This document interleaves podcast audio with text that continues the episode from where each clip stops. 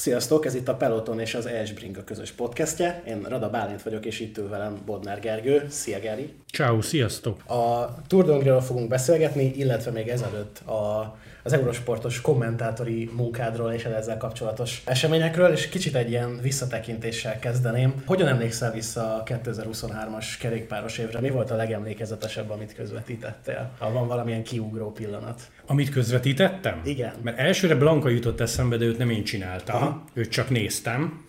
És amíg emlékeztek, ugye az egy nagyon rosszul, e, ilyen rendezői szempontból viszonylag rosszul megvágott történet volt, mert az utolsó 5 méterre kapcsoltak vissza, hiszen ő nem a szó szerinti aranyér sprintert, hanem a korosztályába ment az első helyért. Úgyhogy eszembe jutott Blanka, Nyilván eszembe kell, hogy jusson Ati és a Vuelta, ott nem is nagyon tudnék napot mondani, az úgy egyből az a három hét, az nagyon-nagyon durva volt, de hogyha félreteszem a, a magyaros történetet, akkor azért ott volt egy emlékezetes Flandria, és zárójel, szintén nem én csináltam. Sokan szidják Giro, de szerintem abban is voltak jó napok, izgalmas szakaszok, az szintén nem én voltam idén. Azért a Tour de France-on is emlékezetes napok, szóval nagyon nehéz egyet mondani, de, de szerintem a magyarosokkal kell kezdeni, vagy legalábbis azok legyenek az első helyen. Igen, a magyar kerékpársportnak kiemelkedően jó éve volt ilyen szempontból, és elég sok olyan pillanat volt, amit közvetítettek is. Hogyan zajlik esetleg a felkészülésetek egy ilyen közvetítésre, úgy általánosságban? Várj, mennyi időnk van?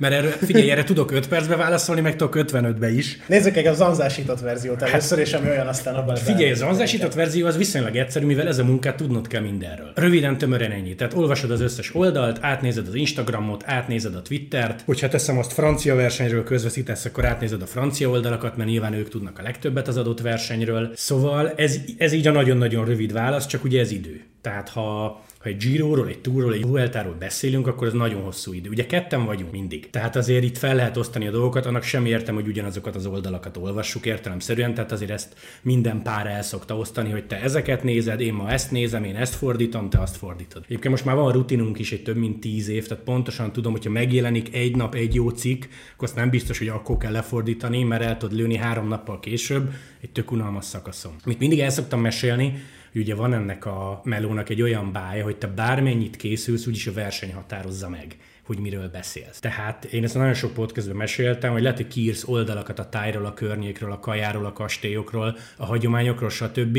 Befúj az oldalszél, van egy őrült szakasz, és kidobtad a szemétbe, mert az csak akkor jó, csak azon a környéken jó, és nem mesélted el, mivel ugye kerékpárversenyt közvetítesz. Tehát szép dolog, hogy te felkészültél a tájból, csak a kutyát nem érdekli, hogyha verseny van.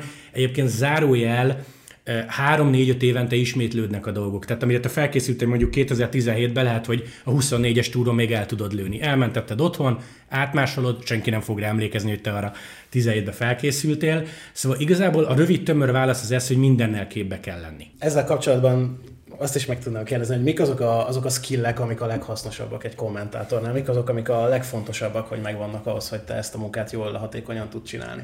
Ez, ez érdekes, mert lehet, hogy tíz évvel ezelőtt mást mondtam volna. Most az, hogy milyen agyad van, mire emlékszel, az biztos, hogy fontos, de a mai világban Szerintem, amikor mondasz egy bővített mondatot, és mire a végére érsz, kettőt kattintasz, és a Procycling Stetson ott van előtted a válasz, nem vagyok benne biztos, hogy neked emlékezni kell arra, hogy 2015-ben ki lett a Vuelta hegyi trikósa. Jó, ha emlékszel, de azért a néző meg van nélküle, ha egy 10 másodperccel később fogod mondani. Nyilván jól kell beszélni, nyilván szerintem mindennek az alapja, hogy szeresd azt, amit csinálsz, kövessd azt, amit csinálsz, illetve veszek fiatalabb korodba is követted, amit csináltál. Szerintem egy, jól együtt kell tudni működni a másikkal, mert ugye azért ha az alapbrigádunkat nézzük, akkor mi vagyunk négyen, tehát ott három másik emberrel dolgozol együtt, pontosan tudod, hogy kinek mik az előnyei, a, pontosan tudod, hogy kivel, kivel hogy lehet együtt közvetíteni, de ez is azt mondom, hogy rutin. Tehát, hogy egy tíz év után alakul az ki, hogy te mibe vagy jó, mibe vagy gyenge, mit tud a másik, mit nem tud a másik. Úgyhogy hirtelen talán ezeket mondanám.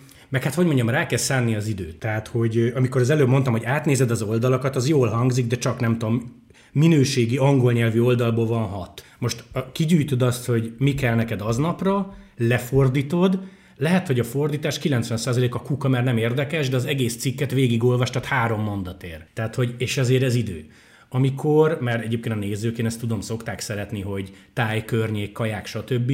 Amikor ezt kigyűjtöd, ez is abszolút saját meló. Tehát úgy kell elkezdeni, hogy mi megérkezünk egy órával adás előtt, és nekünk ki van nyomtat, hogy figyelj, most ebbe a francia városba mennek, itt ez a, ez a bora híres, ezt az öt mondatot mondd el róla, ha ráérsz. Nem, ezt magadnak írod ki. És, és én például olyan vagyok, hogy még itt a magyar Wikipédiát még véletlenül sem. Tehát, hogy akkor felmegyek a francia oldalra, akkor azt lefordítom, vagy felmegyek az angol wikire és az alapján, tehát, hogy még ebben is nagyon-nagyon sok meló van. Nyilván erre tudsz 10 percet szánni, de fel lehet készülni, ha már megvannak a Tour de France szakaszai, akár egy unalmas decemberi napon is valamelyikre, mert érted, a maga a városok sorrendje nem változik, és akkor meg júliusban úgyis lesz egyéb feladatod.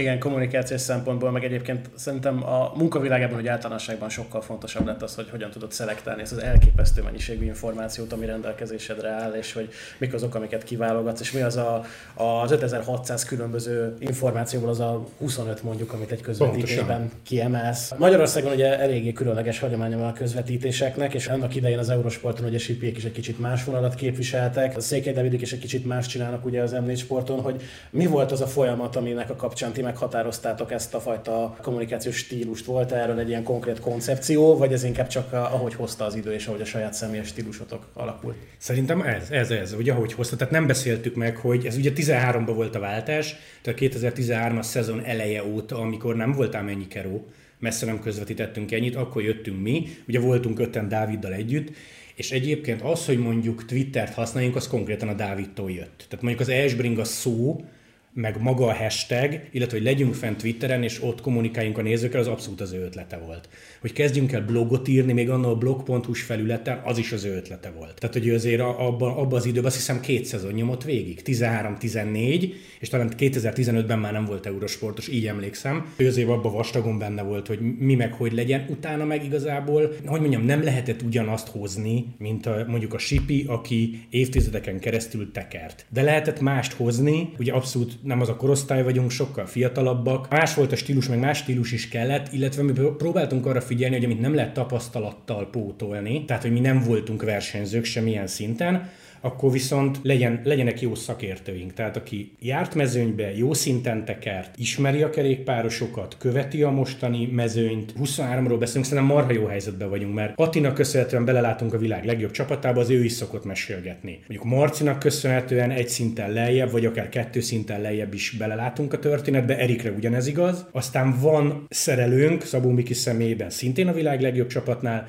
van sportigazgatónk a Kanyonstamnál, ő ugye Szabó Ádi, aki konkrétan UCI tanfolyamot végzett, tehát ő is mindent tud, eléggé, aztán itt van a pálya például, a Lovasi Krisztián, elég szépen próbáljuk magunkat szerintem lefedni, nem arról kell nekünk beszélni, amihez nem értünk, arra majd meghívunk valaki más. Mennyire követitek le az újabb típusú trendeket, ilyen típusú kommunikációs koncepcióknak a kidolgozásával? Ugye most a fiatalabb célközönséget már azért jóval más platformokon tudják elérni a sportközvetítések kapcsán is, és azt láthatjuk igazából úgy általánosságban a sportközvetítéseknek a piacán, hogy egyfajta ilyen koncepcióváltás zajlik. Ti ezt hogyan élitek meg? Mennyire látok ebbe bele? Mennyiben dolgoztok ezen, hogy esetleg új célközönségeket, újfajta kommunikációs módokat találjatok ahhoz, hogy elérjétek az embereket?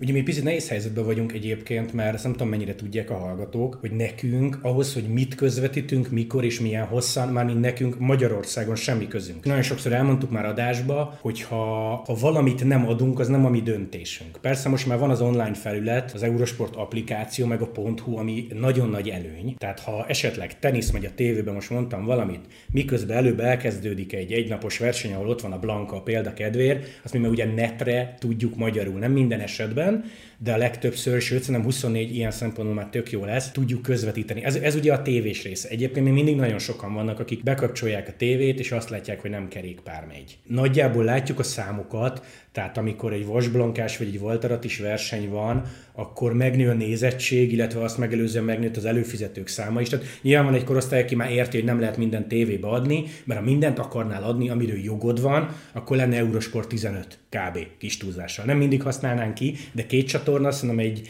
egy, egy olyan adónak, mint az Eurosport, főleg hétvégén nem mindig elég. Ami a netet illeti, amúgy most bajba vagyunk a Twitter, illetve hát most már X, ugye eléggé korlátozta a történetet, tehát nem tudom, hogy mi lesz akkor, ha váltanunk kell. Amit nézek külföldi oldalaknál, nagyon sok helyen csinálnak WhatsApp meg Viber csoportokat. Ott gyakorlatilag ugyanúgy hozzá tudsz szólni, csak regisztrálni kell a csoportodba. Egyrészt tudod olvasni a cikkeket, másrészt mehet a kommunikáció. Nem tudom, hogy fogunk-e váltani, de jelen pillanatban még, vagy legalábbis 23 végén a Twittert lehetett relatíve értelmesen használni. Hát, hogy most TikTok nélkül megvan-e az Eurosport 2024-ben, azt hiszem van csatornánk, mondjuk az nekem semmi közöm, de azt hiszem van valamilyen csatornánk, azért, azért szerintem azt még kibírjuk, aztán lehet, hogy egy év múlva itt ülök, akkor azt mondom, hogy de most már TikTok is kell. Igen, a TikTok ilyen szempontból egy hatékony eszköz, a Twitternél pedig ugye ez az egész X-es Elon Muskos váltás, ez gyakorlatilag keresztbe húzta soknak meg a számításait, és voltak egy időben ezzel kapcsolatos beszélgetések, hogy akkor a a Facebooknak a kapcsolódó platformja, Zuckerbergek fejlesztettek Twitter copy címszóval, mm-hmm. és akkor egy időben nagyon úgy tűnt, hogy felfut, aztán most mégis úgy tűnik, hogy mégsem. Hogy meddig tudják ezt csinálni az X kapcsán, az, az kérdőjeles, de egyébként a kerékpársport olyan szempontból szerintem kicsit speciális, hogy itt a, nekünk is a versenyek követése alatt ez egy elsődleges ilyen információs azonnali csatorna, mint hogyha gyakorlatilag egy messenger csoportba közvetítenél. Mennyire láttok előre a jövő évi naptárban? Tudjátok-e már nagyjából, hogy milyen versenyeket fogtok közvetíteni, vagy ez folyamatosan alakul? Hát vannak meglepetések is olyan szempontból, hogy még ezt is adjuk. Tehát olyan nincs, hogy ezt már nem, hanem meglepődünk, hogy úristen, még ezt is. Nem nagyon lesz változás. Én ezt hallottam egyébként, hogy az Eurosport, illetve hát úgy mondom, hogy ugye mi a Discovery csoportnak vagyunk a tagja, a Discovery-nél azért nagyon szeretik az országúti kerékpárt. Szerintem más csatorna nem is nagyon tudná ilyen óraszámban adni, úgyhogy a rövid válaszom az, hogy nem lesz változás. Most, ha valaki észrevette, a téli szezonban egy picit kevesebb cyclocross van, vagy volt, de tévébe. Az is például a neten nagyon-nagyon sok megy. Országútról gyakorlatilag mindent adunk. Ha jól emlékszem, World Tour versenyek közül ugye a svájci nincs nálunk, illetve a Tour de Under az év elején, de arról már szerintem 23 januárjában is mutattunk összefoglalót minimum, illetve azt azért nehéz közvetíteni a TD-út, mert most mondhatnád magad, hogy hajnali négykor mit adnánk, de akkor adunk, mert Ausztrál Open van, mind a két csatornán. Én el tudom képzelni, hogy a neten a Tour de Under lesz már élőben, abban nem vagyok biztos, hogy magyarul csináljuk, de mindent, de gyakorlatilag mindent. Tehát e- ez jó hír, hogy nem nagyon fog csökkenni az óraszám, sőt, sőt, sőt, egyébként nem lesz már nálunk annyi tenisz jog, úgyhogy igazából elég sok hely felszabadult. Tehát most már nem lesz az, hogy várjuk meg, hogy a Djokovic lezárja két szedben, és előbb megyünk a kerékpárra, mert most már sokkal kevesebb tenisz lesz. Ezt tudod esetleg, hogy országúton mivel kezdtek jövőre? Én biztos vagyok benne, hogy Tour de. Vagy összefoglaló formájában a tévében, vagy mondom élőben, az biztos, ugye San Juan Argentina azt mostanában adtuk, de az ugye elmarad, Lefújták. elmarad, vagy legalábbis valami, én azt olvasom, hogy amatőr szinten lesz, tehát ez nyilván nem tévés történet. Én szerintem január vége, tehát én január 20 valamikor, akkor kezdünk. Kicsit kitekintőbb jellegű kérdésem van, ugye most a GCN Plus például megszüntették, és kicsit átalakulóban van a kerékpársportnál és a média és a közvetítési piac nemzetközi szinten.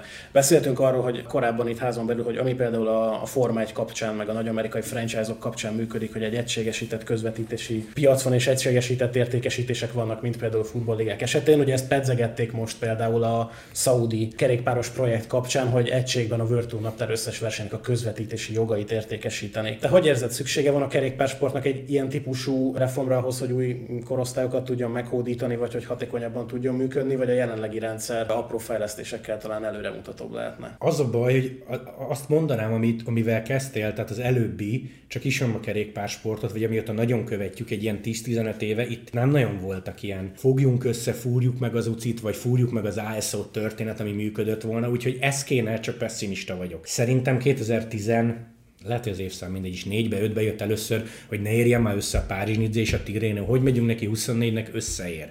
És ez egy apró példa. Szóval én ilyen szempontból abszolút pessimista vagyok.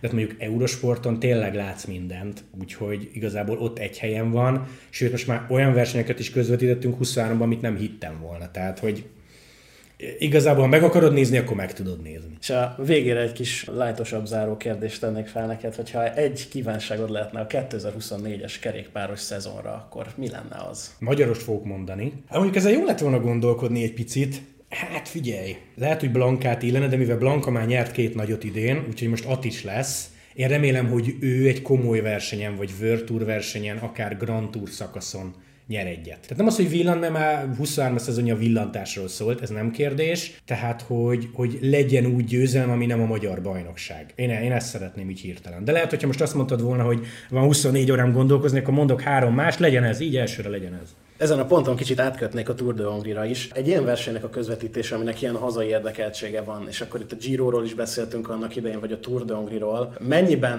más? Van valami különbség a között, hogy hogyan viszonyultak egy ilyen versenyhez szakmailag, mint egy bármilyen más típusú versenyhez? Nagyon más egyébként. Belegondolsz abba, hogy ki tudsz menni egy-két óra autózással, és olyanokkal beszélsz, akiket elő, előtte való héten még a tévébe láttál nagyon más, ugye a Tour de Hongrie hozza a sztárokat, mondjuk a sprinter sztárokat, a megnézed a 23-as mezőnyt. Én mindig úgy vagyok vele, hogy tele vagyok tervekkel az ilyen versenyek előtt, meg a magyar Giro rajtot megelőzően is tele voltunk tervekkel, csak aztán rájövök, hogy nem, nem minden esetben vagyunk elegen, meg néha túlvállalnánk magunkat, ha mindent megcsinálnánk, mert azért ugye mi nem egy olyan tévé csatorna vagyunk, ahol van mondjuk öt ember kamerával készenlétben, és bárhova ki tudunk ugrani helyszínre. Az Eurosport az nagyon nem ilyen.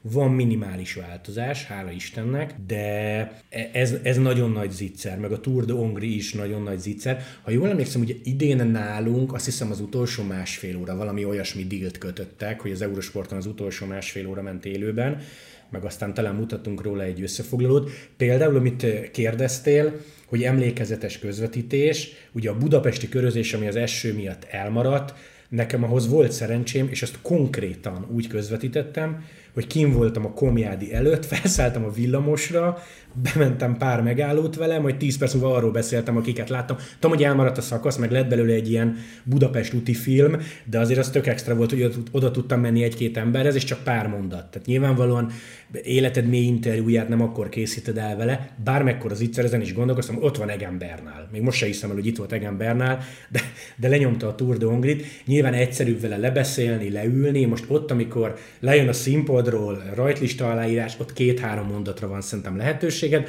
az legyen egy jó két-három mondat, és akkor azt tudod használni akár évek múlva is adásba, de amúgy tök nagy zicser, nagyon nagy, nagyon nagy, én ezt imádom. Átadom a kérdezés jogát. Ami nekem egy picit még mindig ez a hihetetlen kategória, kategória, hogy milyen mezőny van, meg hogy kezdi ugye a Tour de Hongrie az identitását megtalálni azzal, hogy akármit csinálunk, több kékestető nem lesz. Szerintem ezt, ezt mindenki érti, tehát az ország adottsága az ez, akkor viszont építsük fel úgy a versenyt, hogy sprinterek. És ez nagyon-nagyon jól működik, mert a hely az rendben van, május eleje, és hát ha megnézed a 23-as mezőnyt, akkor ez, ez célba talált. És ezt gondolom nálatok félig meddig, vagy nem, gyakorlatilag tudatos volt. Természetesen. Ugye ez volt a, alapvetően a koncepció, és talán most sikerült megtalálnunk a, a tökéletes arányt azzal kapcsolatban, hogy mondjuk három sprintbe futó és két hegyi szakasz ez optimálisan tud működni. Van egyfajta kettősség a rendszerben, az egyik az az, hogy a sprintereket a földrajzi adottságokból fakadóan jobban ki tudjuk szolgálni, és a verseny időpontja az teljesen optimális arra, hogy azok a sprinterek, akik a Tour de France-ra szeretnének felkészülni, azok itt Magyarországon megfelelő körülmények között tudják tesztelni a tudásukat. Ugyanakkor ott van a másik fele, hogy a legeredményesebb magyar versenyzők, és akkor itt Walter Attilával az élen, azért inkább az emelkedős telepeket kedvelik, és ezek azok a viszonyok, ahova egyrészt a csapatuk úgy dönthet, hogy elhozza őket, másrészt ahol ahol magyar sikereknek tudunk örülni, és a magyaroknak hatékonyan tudunk szurkolni, és nagy eredményeket láthatunk. Ilyen szempontból talán most sikerült megtalálni ezt a balanszot, és igyekszünk is erre törekedni, hogy két emelkedősebb, nehezebb szakasz és három a sprintereknek kedvezőbb legyen az útvonalban. Ez nem jelenti azt, hogy nagyon szeretnénk megkönnyíteni a sprintereknek a dolgát, tehát a, az oldalszél, a kisebb emelkedők az útvonalban, ezek továbbra is játszanak, de, de sportszakmailag úgy fest, hogy megtaláltuk azt az utat, ami a leginkább járható, és ez a csapatoknak a jelentkezésein is látszik. Pár napja, most mikor beszélgetünk, pár napja jelentettétek be, hogy jön a J.Co., mint első sor. Ilyenkor ti ők írják maguktól esetleg, hogy egy Hrunevégennel támadunk, a példakedvéért, vagy ugye jelen esetben már UN-nel, vagy ez csak pár héttel a rajt előtt lesz biztos? Szerencsére jutottunk arra a szintre, hogy a csapatoknak a nagy része az most már megtalál minket. Ilyenkor ősszel szoktunk azért a World Tour csapatoknak írni egy ilyen klasszikusabb levelet, hogy reméljük, hogy jövőre is velünk tartanak, és akkor az alapvető információkat megosztjuk velük a versenyel kapcsolatban, még konkrét útvonal nélkül, hiszen az ugye folyamatosan ilyenkor még csiszolás alatt van, de ilyen alapvető preferenciákkal, milyen szállásokban gondolkodunk, milyen típusú útvonalban gondolkodunk, tehát ez a három sprint szakasz és két hegyi befutó, és a Team-ek ebben az időszakban már azért jelzik a részvételi szándékukat, és a JCO-tól, ugye amikor küldenek nekünk egy ilyen úgynevezett entry listet, akkor erre van lehetőségük, hogy már gyakorlatilag az első aláírás pillanatában küldjenek nekünk neveket, hogy mi az a keret, amiben gondolkodnak. A JCO most már évek óta szokott nekünk küldeni. Azt hiszem ez volt a harmadik év egymás után, hogy ők az elsők, akik nem csak hogy visszajeleztek Aha. írásban, hogy jönnének is, hanem már névsort is küldtek, és akkor ezen a névsoron szerepelt, hogy régen, és gyakorlatilag a teljes felvezető vonata, ami egyébként Az logikus is ugye, hogy Johan a Giro d'Italián teszi próbára magát, ő pedig a Tour de France-ra készül. Egyébként jelenleg a csapatok kapcsán, ha jól tudom, akkor 7 World Teamnél tartunk, aki azt mondta, hogy igen, és van 6 pro teamünk, aki már szinte biztosan jön. Ugye úgy kell számolni, kis matek, hogy olyan 22 csapatban gondolkodunk, ami az utóbbi években egy jól bevált, kontrollálható mezőnyszám. Ebből a 22-ből ugye lejön nyilván a magyar válogatott, mint egy, aki minden évben itt van. Kettő darab külföldi kontinentális csapatindulása lehetséges Pro Series szinten. Ezeknek ugye a kiválasztása is egy külön folyamat, hogy melyek azok a csapatok, ahol magyar versenyzőkkel Nyilván. találkozhatunk, mik azok, amik sportszakmailag a leginkább indokoltak. És ugye vannak a magyar kontinentális csapatok, jelenleg ugye az Epronex, ezzel négy helyet kihúztunk, tehát 18 helyünk van. Ebből a 18-ból maximum 15-ig tölthetjük őket World teamekkel, és ugye így kell a Pro teamek és a World teamek között ezt a balanszt megtalálni. És még egy csapatunk van egyébként idén, aki küldött nekünk már névsorokat, ez pedig a, a Tudor, akik uh, ugye tavaly egy szakaszgyőzelmet és egy összetett harmadik helyet is hoztak Vozár révén. A mostani névsorban is szerepel jelenleg, tehát úgy kalkulálunk, hogy ő, ő vissza is térhet, sőt a Arvid Decline neve is szerepelt az előzetes uh-huh. rajtlistán. Nyilván nagyon messze vagyunk még a versenytől, tehát ezek a nevek, amik ilyenkor felkerülnek, inkább tájékoztató jellegűek. Ha jól tudom, akkor három héttel talán a verseny előtt van az az időpont, amikor már a csapatok kötelesek egy előzetes rajtlistát visszaküldeni. Ilyenkor szokott összeállni az első olyan rajtlistánk, ami minden csapathoz tartalmaz hat versenyzőt, illetve a tartalékokat. Ezt követően van egy 72 órás nevezési lista, 72 órával a rajt előtt már olyan rajtlistával kell rendelkeznünk, ami nevek már csak a tartalékok között feltüntetett neveket hívhatják be a végleges keretbe, tehát már csak a tartalékos listával lehet csere. És utána a verseny előtt, amikor a csapatbemutató zajlik, ez általában ugye egy nappal a verseny előtt van, ekkor, amikor a csapatok megérkeznek és aláírják a hivatalos dokumentumokat, akkor kapjuk meg a végleges rajtlistát, akik indulnak a versenyen. Mondtad, hogy heten visszaírtak, hogy igen. Ez milyen súlyú igen? Gyakorlatilag a 99% vagy figyú, valószínűleg jó lesz, írjatok be, de még nem tudjuk százra mondani. A hétből egy olyan van, aki, aki egy ilyen ceruzás igen, tehát aki azt mondta, hogy a hivatalos papírokkal még várjunk, de, de szeretnének Aha. jönni. A maradék hattal már aláírásunk van. Tehát most, amikor beszélgetünk, akkor hét Tour csapatról te tudsz. Egy, Igen. vagy gyakorlatilag nyolcról, aki, Igen. aki mondható, hogy ceruzás. Meg kell, hogy kérdezzem, te most itt 23 decemberében Jumbo Viszmára mennyi esélyt látsz? Mert szerintem ez csomó mindenkit érdekel. A Jumbo Viszmával kapcsolatban jelenleg vannak kérdőjelek, és viszonylag kevés információ jutott el hozzám személyesen is, de amennyire tudom a kollégákhoz is arról, hogy a Jumbo érkezik-e vagy sem. Természetesen nagyon szeretnék, hogy jöjjenek, és kulcsfontosságú lenne, főleg úgy, hogyha Walter Attilát esetleg a mezőnyben tudnánk. Ez a Jumbo-nak a szakmai döntése innentől kezdve, hogy ők hogyan alakítják ki a versenyprogramot. Tőlük még nem kaptunk egyértelmű választ. Mezőny után helyszínek, te mennyire izgulsz saját véleményed Budapestér? Mert emlékszem, amikor Karcsival csináltunk egy podcastet, ő azt mondta, hogy szerint a döntéshozók értették azt, hogy mi történt. Miért volt neutralizálva az a körözés, stb. stb. Mert ilyen mezőny, meg egy ilyen Tour de Hongrie szerintem budapesti úcsó szakaszt érdemel. Budapest mindig egy különleges kihívás, ugye hatványozottan nehéz egy budapesti etapnak neki menni, akár egész szakaszra, akár rajtra, akár befutóra. Már csak a lezárásoknak a komplexitása, az, hogy gyakorlatilag a városnak egy részét megbénítjuk, ez, ö, ez elképesztően nehéz logisztikai feladat. Jelenleg a városaink kapcsán még nem árulhatok el pontos részleteket, az biztos, hogy téma Budapest és a Budapest környéki etapoknak a megrendezése. Ezzel kapcsolatban majd ugye a pontos információkat majd februárban lesz idén is vélhetően az útvonal bemutató gálánk, akkor fogjuk tudni megosztani, de, de folyamatosan téma nálunk Budapest. A múltkori körözéssel kapcsolatban ugye ott olyan szempontból pozitív lett a végkifejlet a történetnek, hogy azért a csapatok, mindenki azt mondta, hogy mennyire jó, hogy itt figyelnek ránk. Akik idén itt voltak, azok elég nagy arányban mm-hmm. mondták azt, hogy jövőre is itt lesznek. Szóval ilyen szempontból a sportszakmai részről mindenképpen pozitívan alakult az a történet, és a főváros részéről is könnyen lehet, hogy lesz még folytatása ennek a történetnek. Bízunk a legjobbakban. Most, ha, és nem is kell, nem is kell az, hogy várost mondjál, vagy példát mondjál. Mennyire vagytok ti tisztában az útvonallal? Tehát ha decemberben kéne bejelenteni a 24-es Tour de Hongrie-t, az menne, vagy még nagyon nagy a matek? Még vannak kérdőjelek a rendszerben. A városokkal javarészt már meg vagyunk, tehát a rajtcélvárosoknak a szerepe az egyre inkább tisztázódik, és egyre inkább látjuk azt, hogy honnan, hová megyünk, de hát ilyenkor jön ugye az útvonalas kollégáknak a szerepe, akiknek ezeket a településeket össze is kell kötni valahogy, és rengeteg számpont játszik benne. Onnantól kezdve, hogy mennyire legyen sportszakmailag nehéz az útvonal, mennyire járhatóak azok az utak, milyen lezárásokat kell ahhoz eszközölni, hogy ez az útvonal megvalósulhasson, mennyire veszélyes az adott útszakasz. Rengeteg-rengeteg szempont van, és akkor a szállások kérdését például még ki sem nyitottuk. Az biztos, amit már korábban is beszéltünk, hogy mivel az idei túrunk az leginkább Nyugat-Magyarország fókuszú volt, ezért idén szeretnénk kicsit visszamenni keletre, és abban a régióban is mutatni az országnak a szépségeit illetve hogy ez a két hegyi szakasz és három sprint befutó, amivel kalkulálunk. Mi dönt amellett, hogy hol kezdődik, mint hogy melyik a városban? Nagyon nagy vita van,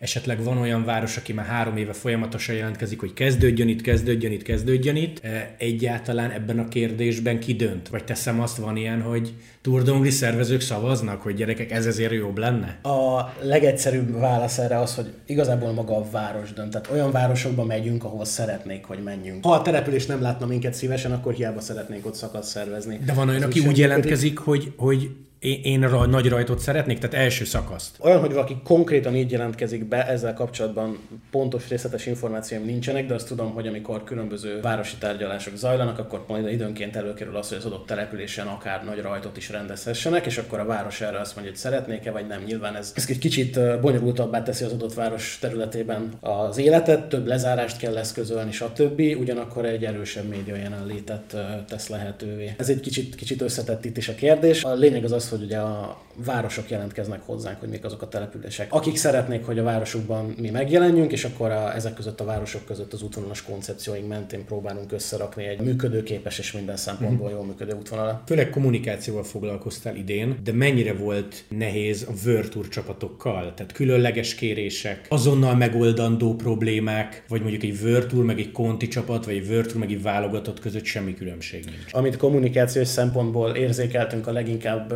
változás szintjén az az, hogy egy Pro Series versenyre már sokkal több csapat küldött külön médiást, tehát olyan embert, aki kifejezetten kommunikációs ügyekkel foglalkozott. Ez ebben volt egy elég komoly szintlépés, illetve hát ugye a nemzetközi média, mint olyan nagyobb számban volt jelen a versenyünkön, és egyre többen kértek tőlünk információkat különböző eseményekkel kapcsolatban. De egyébként maguknál, a csapatoknál, igazából maga a kerékpáros csapat, mint olyan szintől függetlenül egy ilyen különleges entitás. Ezt mm-hmm. tudom, hogy egy pár évvel ezelőtt, mikor a World és a Pro megjelentek a mezőnyünkben, akkor a szállásosoknak a bagett és a jégigény volt az a kettő, ami egy kicsit így kerekedett a szemükön, hogy úristen ebből ennyi kéne. Tehát vannak, vannak ilyenek, de egyébként nem volt, nem volt nagy probléma a World csapatokkal. Tehát amennyire én tudom, és amennyire az én munkakörömben találkoztam velük, nem volt különösebben nagy probléma azzal kapcsolatban, hogy most World vagy Pro beszélünk. Sőt, ugye nekünk hivatalosan ugyanazokat a körülményeket kell biztosítani a World részére is, mint a kisebb csapatok részére is. Azt mondtad, hogy lemegy a verseny, és visszaírnak főszereplők a csapatok, hogy leegyszerűsítve, hogy érezték magukat. Mennyire kell itt részletes dolgokra gondolni? Tehát nem tudom, jön egy válasz, teszem azt a lottó részéről, hogy marha jók voltak a szállások, csak így tovább, vagy nagy vonalakba visszaírnak nektek két-három mondatot, hogy köszi jövünk. Nagyon ritkán hangzanak el ezekkel kapcsolatban konkrétumok, általában inkább ilyen általános ívű visszajelzések szoktak jönni, hogyha valamivel kapcsolatban problémájuk volt, azt szokták jelezni a kollégáknak különböző fórumokon, szerencsére ezek viszonylag ritkák. Általában ilyen, ilyen, nagy vonalú, nagyon jó volt, nem tudom, a szállás, meg a biztonság biztosítás, és köszönjük, és jövünk jövőre is jellegű üzenetek érkeznek szerencsére. Na de mi az, ami nem tetszik? Mert biztos, hogy valaki a 20 csapatból csak ír egy olyat, hogy ez nem. Teljesen banális hülyeség, ami az ő rigolyájuk, és, és te mosolyogsz rajta, hogy Jézusom, ez a probléma, vagy, vagy tényleg olyan, hogy gyerekek, akkor 24-re oldjuk már meg, mert nem tart semmiből. Én nem tudok arról, hogy ilyen típusú súlyosabb probléma befutott volna hozzánk idén, én nem hallottam ilyenről szerencsére. Na, hát ez mondjuk akkor, mondjuk akkor az abszolút pozitív. Szerintem sokakat érdekel két dolog, hogy van-e arra lehetőség, hogy növeljétek a szakasszámot, egyáltalán lenne értelme növelni, illetve hogy környező országok bevonása. Mert erről lehetett hallani, hogy esetleg talán nyitnátok. Nem tudom, hogy bármelyiknek van-e értelme, vagy, vagy van-e olyan rugalmas a naptár, hogy ezt megengedje. Ugye 2024-es évvel kapcsolatban ott már nem nagyon van ebben mozgásterünk, tehát ugye már leadtuk hivatalos időpont kérelmeket, és az UCI jóvá az ötnapos versenyt. A jövővel kapcsolatban ez időről időre előkerül, hogy csinálhatnánk tudnánk-e hosszabb versenyeket, de jelenleg úgy érezzük, hogy ez az öt szakaszos verseny, ez az optimális, ez az, ami logisztikailag is megfelel, a mi naptárunkba is belefér, a csapatoknak is belefér, és így jól elhelyezhető és belátható a naptárban. A külföldi kiruccanásoknak a köre ez már előkerült többször, ugye tavaly Szent Gotthard kapcsán voltak ilyen ehhez kapcsolatos egyeztetéseink. 2024-ben külföldre nem fogunk menni, viszont a jövőben nem zárkózunk el attól a lehetőségtől, hogy más nemzetek szervezőivel kézen fogva akár egy ilyen szomszédos állam vagy kisebb kiruccanás tegyen a mezőny. Ugye nyilván ennek az a nehézség, hogy ez is óriási logisztikai kihívással jár. Rengeteg ilyen apró részletre kell gondolni, ami ilyenkor plusz nehézséget jelent a rendszerben. Ezek azok, amik inkább visszafogják a megoldásokat, de nyitottság az mindenképp van. Az jutott eszembe zárásként, hogyha azt a mondatot nem mondhatod, hogy legyen itt Walter Attila a mezőnyben, akkor te hogy lennél, vagy mikor lennél elégedett a 24-es Tour de Hongrie-val? Mert most a sztár sprinterek vannak, magyar válogatott, magyar csapat van. Nyilvánvalóan nézzük meg a szurkolók is Atinak örülnének, de ha ő nem tud jönni valami miatt, akkor te mikor mondanád azt a 24-es Tour de Hongrie-ra, hogy fölülmúltuk a 23-ast? Én két dologban látom ezt, az egyik az az, hogy én nagyon örülnék neki, és ez mind a kettő egy teljesen szubjektív történet. Az egyik az az, hogy én szeretném 10 fölötti World Team csapattal menjünk a versenyen, erre egyébként jelenleg van esély. A másik pedig az, hogy én nagyon szeretnék egy olyan összetett esélyest a mezőnyben látni, aki tényleg három heteseken is, ha nem is a győzelemért, de legalább dobogókért tud harcolni, egy az utóbbi években. Egyébként ebben nagyot léptünk előre 2023-ban, tehát most először jöttek olyan kaliberű versenyzőink, mint mondjuk Mark Hirschi vagy Egan Bernál, akik, akik azért egész jók az ilyen egyheteseken és az emelkedőkön, de hogy egy igazán jó. Nyilván az útvonal nehezíti ezt a, ezt a feladatot, tehát megfelelő nehézségű szakaszok és emelkedők hiány ezek a versenyzők nem igazán fognak a mi versenyünkön részt venni, de én nagyon örülnék annak, hogyha egy tényleg egy összetett esélyes Magyarországra érkezne. Tehát akkor 10 csapat és top összetett menő. Igen, Jó. részemről igen. Köszönjük, Gergő, hogy elfogadtad a meghívásunkat, és most tudtunk így egy kicsit beszélgetni. A hallgatóinak pedig köszönjük a figyelmet. Ez volt az Es Bringa és a Peloton közös podcastje. Hamarosan jövünk még új tartalmakkal. Sziasztok! Sziasztok!